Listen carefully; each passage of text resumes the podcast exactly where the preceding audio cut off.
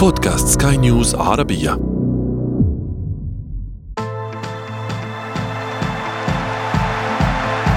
أثير الكرة.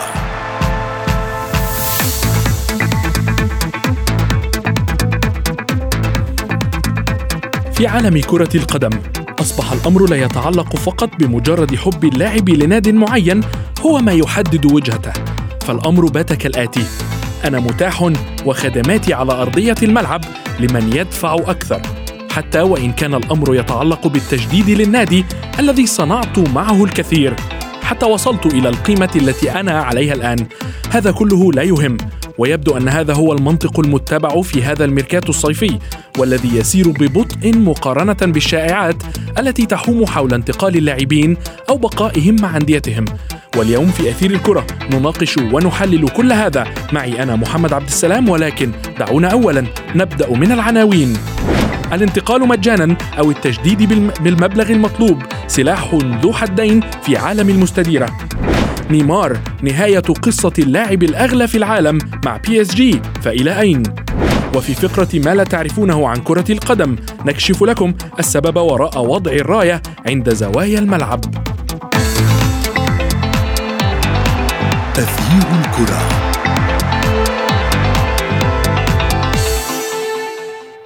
يبدو أن ميركاتو هذا الصيف يأبى أن يبوح بكل أسراره فكلها تكهنات وأنباء تتداول من هنا وهناك ولكن أي من هذه التكهنات ستصدق؟ العروض تنهال على كريستيانو رونالدو بعد تصريحاته بشأن إدارة اليونايتد. باريس سان جيرمان أبلغ نيمار بتخليه عنه خلال هذا الصيف. ليفربول مستعد لبيع صلاح مقابل 75 مليون يورو. تشيلسي سيدخل السوق بصفقات مدوية والكثير الكثير لكن متى وهل سنشاهد أي من هذه الشائعات تتحقق؟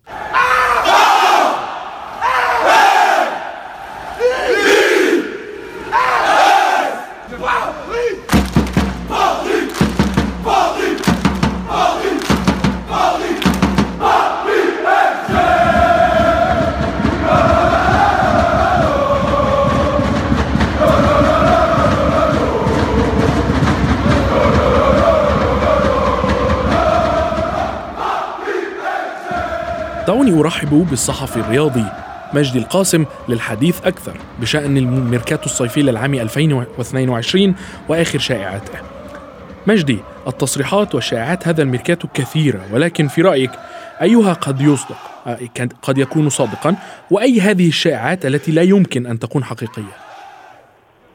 يعني يسعد أوقاتك زميلي محمد وأوقات فريق العمل والمستمعين جميعا.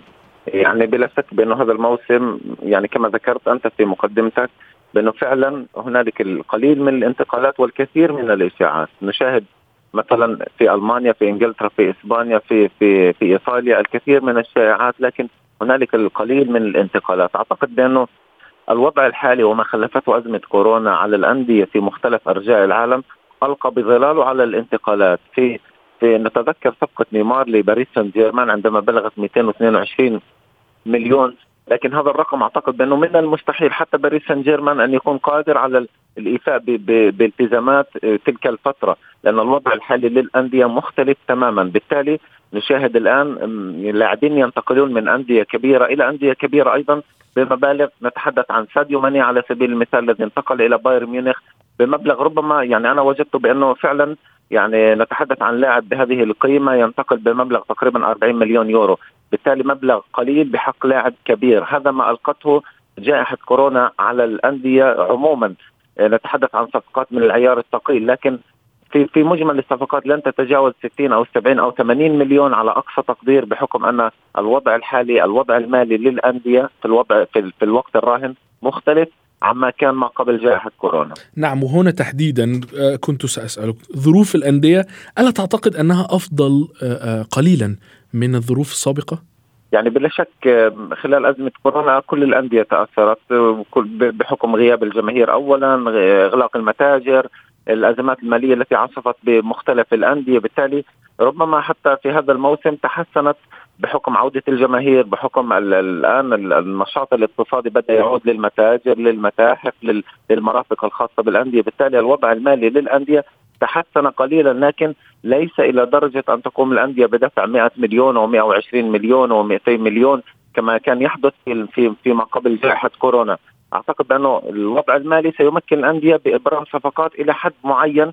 نتحدث مثلا عن وضع برشلونة. على سبيل المثال هو مهتم كثيرا بالتعاقد مع ليفاندوفسكي لكن الخلاف يتم على 10 و15 مليون بحكم أن بايرن ميونخ رفع قيمة العرض المقدم العرض المقدم من 40 إلى إلى 60 مليون, مليون. بالمقابل البايرن كان يطالب ب 50 وحتى بعد المشاكل التي حدثت مع ليفا يطالب الآن ب 60 مليون للتخلي عن لاعب وصل إلى عمر الرابع والثلاثين. بالتالي نتحدث عن مبلغ كبير لفريق يمر بأزمة مالية كبيرة مثل برشلونة. بالتالي أعتقد بأن الحديث عن صفقات من العيار الثقيل بمبالغ كبيرة لن تتم في هذه الفترة بحكم أن الأندية لم تتعافى بشكل كامل بعد من جائحة كورونا وما خلفته جائحة كورونا على الأندية تحديدا.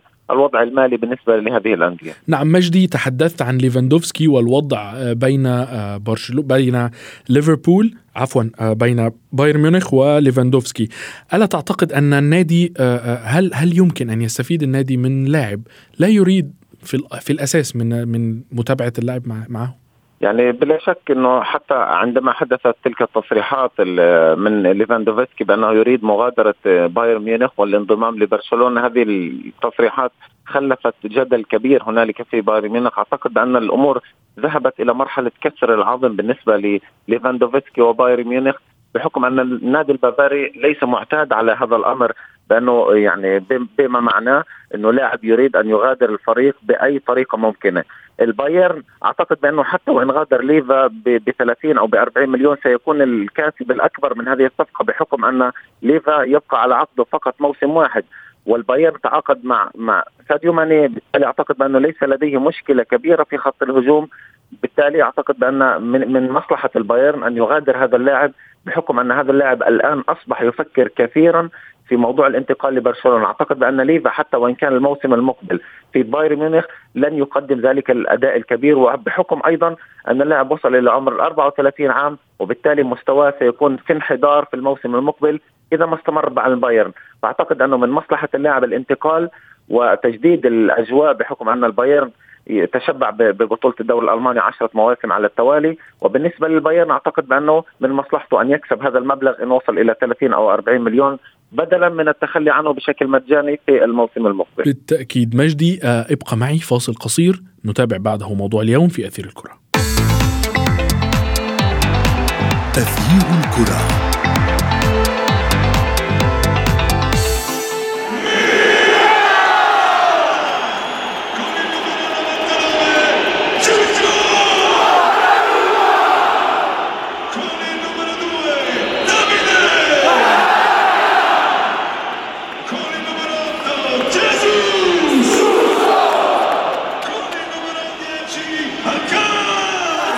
حديثنا مستمر عن الميركاتو الصيفي لهذا العام ومدى البطء من الأندية في التعاطي مع هذا الموسم.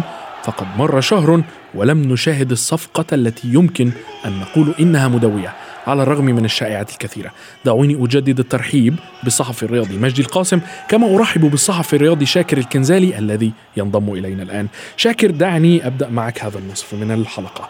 جائزة آه، أفضل لاعب إفريقي في آه، في في القارة الإفريقية أعلن عن ال عن ال القائمة.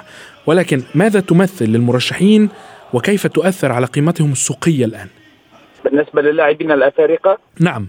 طبعا آه، في انتظار الإعلان عن أفضل لاعب في القارة الإفريقية أكيد آه، الجائزة مهمة على مستوى المعنويات على مستوى أيضا الانتقالات على مستوى آه، التسويق بصفة عامة. تعرف جيدا قيمة هذه الجائزة. نتحدث مثلا لا يمكن أن نقارنها بافضل لاعب في العالم أو أفضل لاعب في أوروبا ولكن اللاعب الإفريقي يبقى دائما لاعب مطلوب لاعب مبحوث عنه في كل الدوريات الأوروبية. نظرا لعديد الإمكانيات والخصال التي آه، ربما يتميز بها اللاعب الأفريقي على المستوى البدني على مستوى آه، أيضا التعامل مع المقابلات على مستوى آه، التكوين على مستوى التكتيكي أيضا اللاعب الأفريقي أثبت مكانة كبيرة في كل الدوريات في كل دول العالم خاصة في الدوريات الخمسة الكبرى. نتحدث عن الدوري الإنجليزي تعرف جيدا قيمة مثلا صلاح أو ساديو ماني أو عديد الأسماء الأخرى الموجودة في في في في, في, في الدوري الإنجليزي.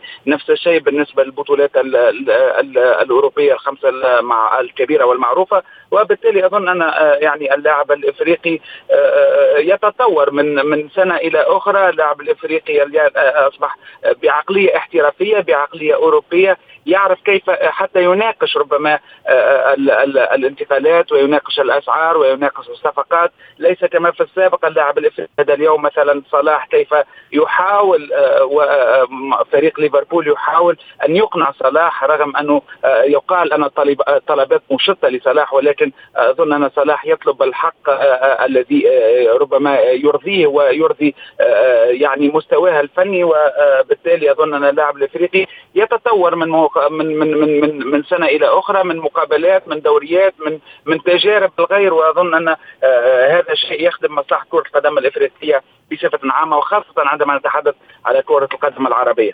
نعم مجدي شاكر تحدث عن صلاح تحديدا ومطالبه في تجديد لليفربول هل ترى لأن هناك البعض يرى أن صلاح مطالبه مبالغ فيها وهناك البعض الآخر يرى أن صلاح مطالبه منصفة وعادلة خاصة أنه لاعب مؤثر للغاية في النادي ما هو رأيك؟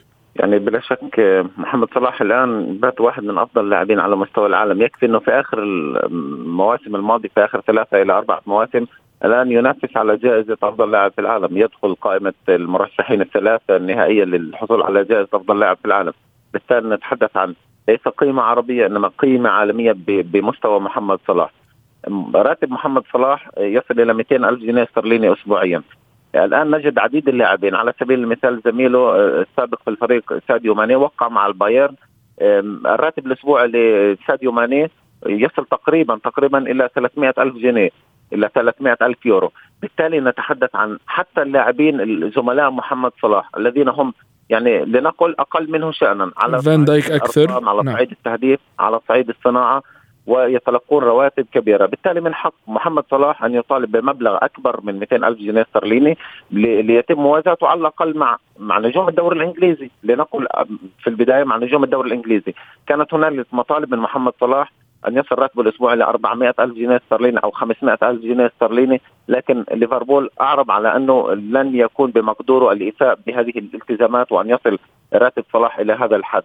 بالتالي نتحدث مثلا عن هالاند. الآن سيتقاضى حوالي 500 ألف جنيه استرليني أسبوعيا كراتب مع مانشستر سيتي. أعتقد أنه هالاند لا يزال لاعب شاب. بالتالي هنالك فرق كبير عندما نتحدث عن محمد صلاح كقيمة والإنجازات التي تحققت لليفربول بحكم تواجد النجم المصري بحكم الأرقام التي يحققها، بالتالي أعتقد بأن مطالب محمد صلاح ستكون منطقية ولكن أعتقد بأن ليفربول لن يكون بمقدوره الإيفاء بتلك الالتزامات بحكم التوقيع أيضا مع لاعب جديد بحجم نونيز والصفقة الكبيرة التي كلفت خزائن النادي، بالتالي أعتقد بأن الجدل سيبقى مستمر لكن محمد صلاح المؤكد أنه باقي في الموسم المقبل مع ليفربول. نعم شاكر مجدي يتحدث عن تحدث عن سقف الرواتب التي تضعها الأندية للاعبين وهنا تحديدا لا أتحدث فقط عن صلاح أتحدث بشكل عام هل يحق لأي لاعب أن يطلب من ناديه أن يكسر هذا السقف الذي يضعه من أجل الرواتب للاعبين؟ هو طبعا يحق لأي لاعب أن يكسر هذا السقف باعتبار المعطيات التالية، اولا باعتبار أنه في كل مرة يأتي لاعب جديد ويكسر هذا السقف، فلماذا ليس صلاح؟ لماذا ليس ماني؟ لماذا ليس مثلا في وقت من الأوقات كان كريستيانو، في وقت من الأوقات كان ميسي، في وقت من الأوقات صار مبابي، وبالتالي كل لاعب يرى في نفسه أن لديه إمكانيات تخول له أن يطلب أكثر ما يمكن وتخول له أن يدخل السوق بشروط ولو يقال عنها مشحفه ولكن ليست هنالك شروط مشحفه، هنالك فقط يعني منافسة بين الفرق وبين الدوريات من أجل ضم أفضل اللاعبين. بصفة عامة ونتحدث مثلا عن عملية الإنفاق في الدوريات الأوروبية الكبرى، تقريبا الترتيب واضح، الدوري الإنجليزي هو الدوري الإنجليزي الممتاز يأتي في الصدارة، يليه الدوري الإيطالي، ثم الدوري الألماني، ثم الدوري الإسباني، الدوري الفرنسي. مثلا عندما نتحدث حتى على الأندية ليفربول الإنجليزي الذي ينضم الذي يلعب فيه محمد صلاح تقريبا وهو من أكثر الدوريات ومن أكثر الفرق التي يعني الجميع يتحدث عنها. ليفربول هو من أكثر الفرق التي تنفق في الانتقالات. نتحدث عن تقريبا 86 مليون يورو لفريق ليفربول وهذه أرقام موثقة. وبالتالي أن يطلب صلاح أو غير صلاح الترفيع في سقف الامتيازات وسقف الرواتب فهذا أظن شيء عادي باعتبار أن المداخيل هي كبيرة للأندية التي نتحدث عنها. يعني التيشيرت عندما يباع في في ليفربول لمحمد صلاح أو الإعلان فقط عن تجديد عقد محمد صلاح أو غيره يعني يأتي بالسبونسورينج يأتي بال بالتسويق يأتي بالإشهار يأتي بالحقوق البث. يعني يعني هي سلسلة كاملة. لا يمكن أن نفصل فيها اللاعب عن النادي أو عن الفريق هي سلسلة كاملة فيها سوق فيها عرض وطلب وبالتالي ما دام هنالك سوق وهنالك عرض وطلب فإن كل الأرقام أنا ضد الفكرة التي تقول أن هنالك أرقام خيالية أو تعجيزية، ليس. نعم. هنالك رقم خيالي وليس هنالك رقم تعجيزي، هنالك فقط قيمة اللاعبين وهنالك السوق إن أنت آه، آه، لست قادر على شراء اللاعب أو عقد اللاعب أو التمديد، هنالك أندية أخرى ستشتري حتما باعتبار وجود حقوق النقل التلفزي باعتبار وجود حتى يعني مالكين لفرق جديدة على مستوى القارة الأوروبية نعم. يتنافسون من أجل آه، يعني من يدفع أكثر ومن آه، آه، يجعل فريقه واحباء فريقه وبالتالي قلت إن الأمر محسوم أظن إن الأمر محسوم بالنسبة لهذه لهذا الموضوع باعتبار كما قلت يعني عديد المعطيات لا يوجد سقف ولا يمكن أن نعم. نتحدث عن سقف لا يمكن تجاوزه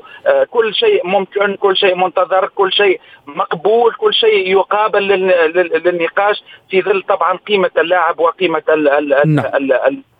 المضافه التي سيعطيها بالفعل. بالتأكيد مجدي بالحديث عن المقبول وغير المقبول وأن كل شيء مقبول في عالم كرة القدم. عندما جدد باريس سان جيرمان مع مبابي وهي كانت آآ آآ كان أمر سابقا غير مقبول الآن واضح أنه أصبح مقبولا.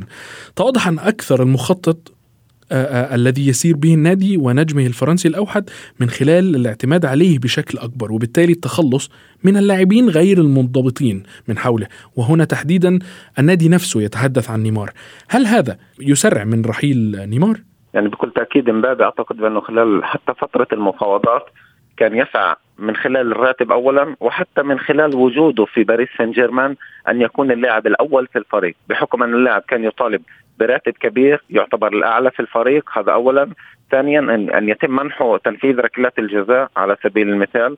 والركلات الحرة ان يدخل حتى على الركلات الحرة. بالتالي مطالب اللاعب كانت تدل على إنه يريد أن يكون النجم الأول في الفريق حتى وإن كان هناك نيمار وميسي موجودين في الفريق. بالتالي أعتقد أن مطالب مبابي أعتقد بانها بالنسبة للاعب يرى بأنه سيكون النجم الأول للفريق وبالتالي هذا سيجعل قيمته السوقية ترتفع. اولا ثانيا يجعل معدل التهديفي أعلى بحكم تنفيذه لركلات الجزاء كما كان طبعا ينفذها في الفريق نيمار. نتحدث عن نيمار وميسي الأولوية لنيمار وميسي. بالتالي يريد اللاعب أن يصبح النجم الأول في الفريق. أعتقد بأن ربما سيكون رحيل نيمار أحد الأشياء التي يبحث عنها كيليان امبابي حتى وإن لم يكن بشكل مباشر. نعم اذا هل هل تعتقد أن شائعة آه، آه، أن النادي أبلغ أن باريس سان جيرمان أبلغ نيمار بانتهاء آه، قصتهم قصتهما معا؟ هل هذا صحيح؟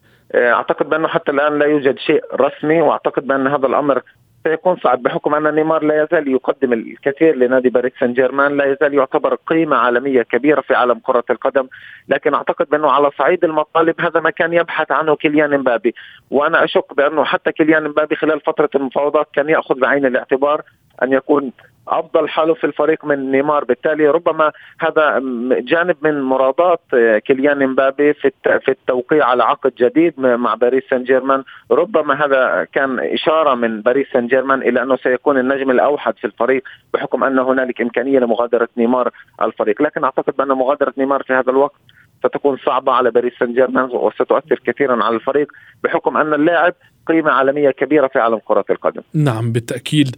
شاكر هل تعتقد أن إدارة برشلونة خذلت تشافي أم أن الظروف هي من فعلت ذلك؟ هو هو إدارة برشلونة آه، حقيقة آه، فقط لو تسمح لي في بعض الثواني يعني آه، نيمار الحقيقة من خلال التقارير الإعلامية من خلال معناتها الأخبار المتواترة هو متلهف دعني أقول والوصف هو متلهف العودة لفريق برشلونة لعديد الأسباب باعتبار أنه كما كان آه، يقال الآن لم يعد النجم الأوحد ولم يعد تقريبا النجم الظاهر في فريق ال PSG.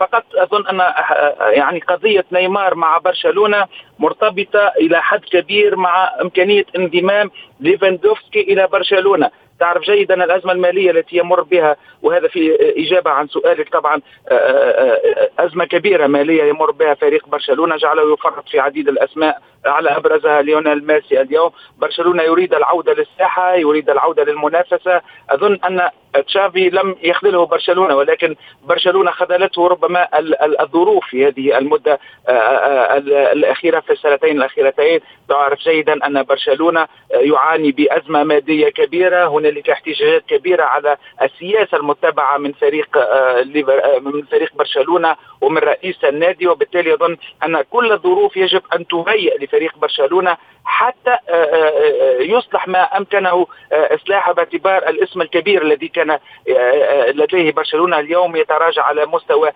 يعني المادي على المستوى الرياضي على جميع المستويات في على مستوى العالم. برشلونة ليس كما كان تقريبا من أربع خمس سنوات ليس برشلونة اليوم. إعادة الأمور إلى نصابها. أمر ممكن ولكنه صعب جدا. وأظن أن تشافي هو مجرد حلقة في فريق برشلونة. آه، إذا ما أراد التغيير يجب أن يتغير كل شيء. يجب البحث عن مدرب له تجربة. لديه آه، آه، يعني بطولات تحصل عليها على مستوى رابطة الأبطال الأوروبية على نعم. عديد المستويات مثل ما فعل ريال مدريد. وبالتالي يظن أن فريق برشلونة يجب أن يراجع عديد الأمور في ومن بينها تشافي.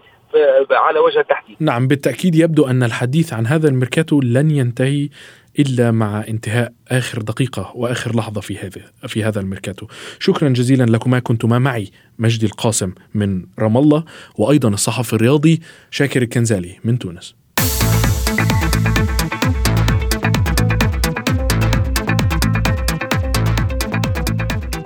وصلنا إلى فقرة ما لا تعرفونه عن كرة القدم وفيها نكشف لكم السبب وراء وضع الرايات عند زوايا الملعب. معظمنا عندما بدأ في مشاهدة كرة القدم وقبل أن يتعلق بها شاهد الكثير من الأشياء داخل أرضية الميدان دون أن يعلم ما هذا وما السبب وراء استخدامها. حتى إن غالبية المشجعين اعتادوا وجودها وأحد هذه الأشياء والعلامات هي الراية التي توضع عند أركان الملعب الأربعة. بدأ استخدام هذه الرايات منذ العام 1898 ولم يتم وضعها هكذا دون ضوابط بل إنه لابد من أن يكون طولها. لا يتجاوز المتر ونصف المتر ويجب أن لا يكون رأسها مدببا حتى لا تمثل خطرا على اللاعبين. وكان الهدف الرئيسي من استخدام هذه الرايات أو الأعلام هو تحديد زاوية الملعب جيدا سواء للحكام أو للاعبين. وتحديد ما إذا كانت الكرة عند خروجها رمية تماس أو ضربة ركنية. وربع الدائرة المرسومة عند هذه الراية في زاوية الملعب هي عبارة عن ربع قطر دائرة مساحتها متر واحد والهدف منها تحديد المساحة التي على اللاعب وضع الكرة فيها لتنفيذ الركلة الركنية ولا يمكنه أن يضعها خارج هذا القوس. بهذا نكون قد وصلنا وإياكم إلى صافرة النهاية من حلقة اليوم. انتظرونا في حلقات جديدة قادمة. كنت معكم أنا محمد عبد السلام. إلى اللقاء. تغيير الكرة.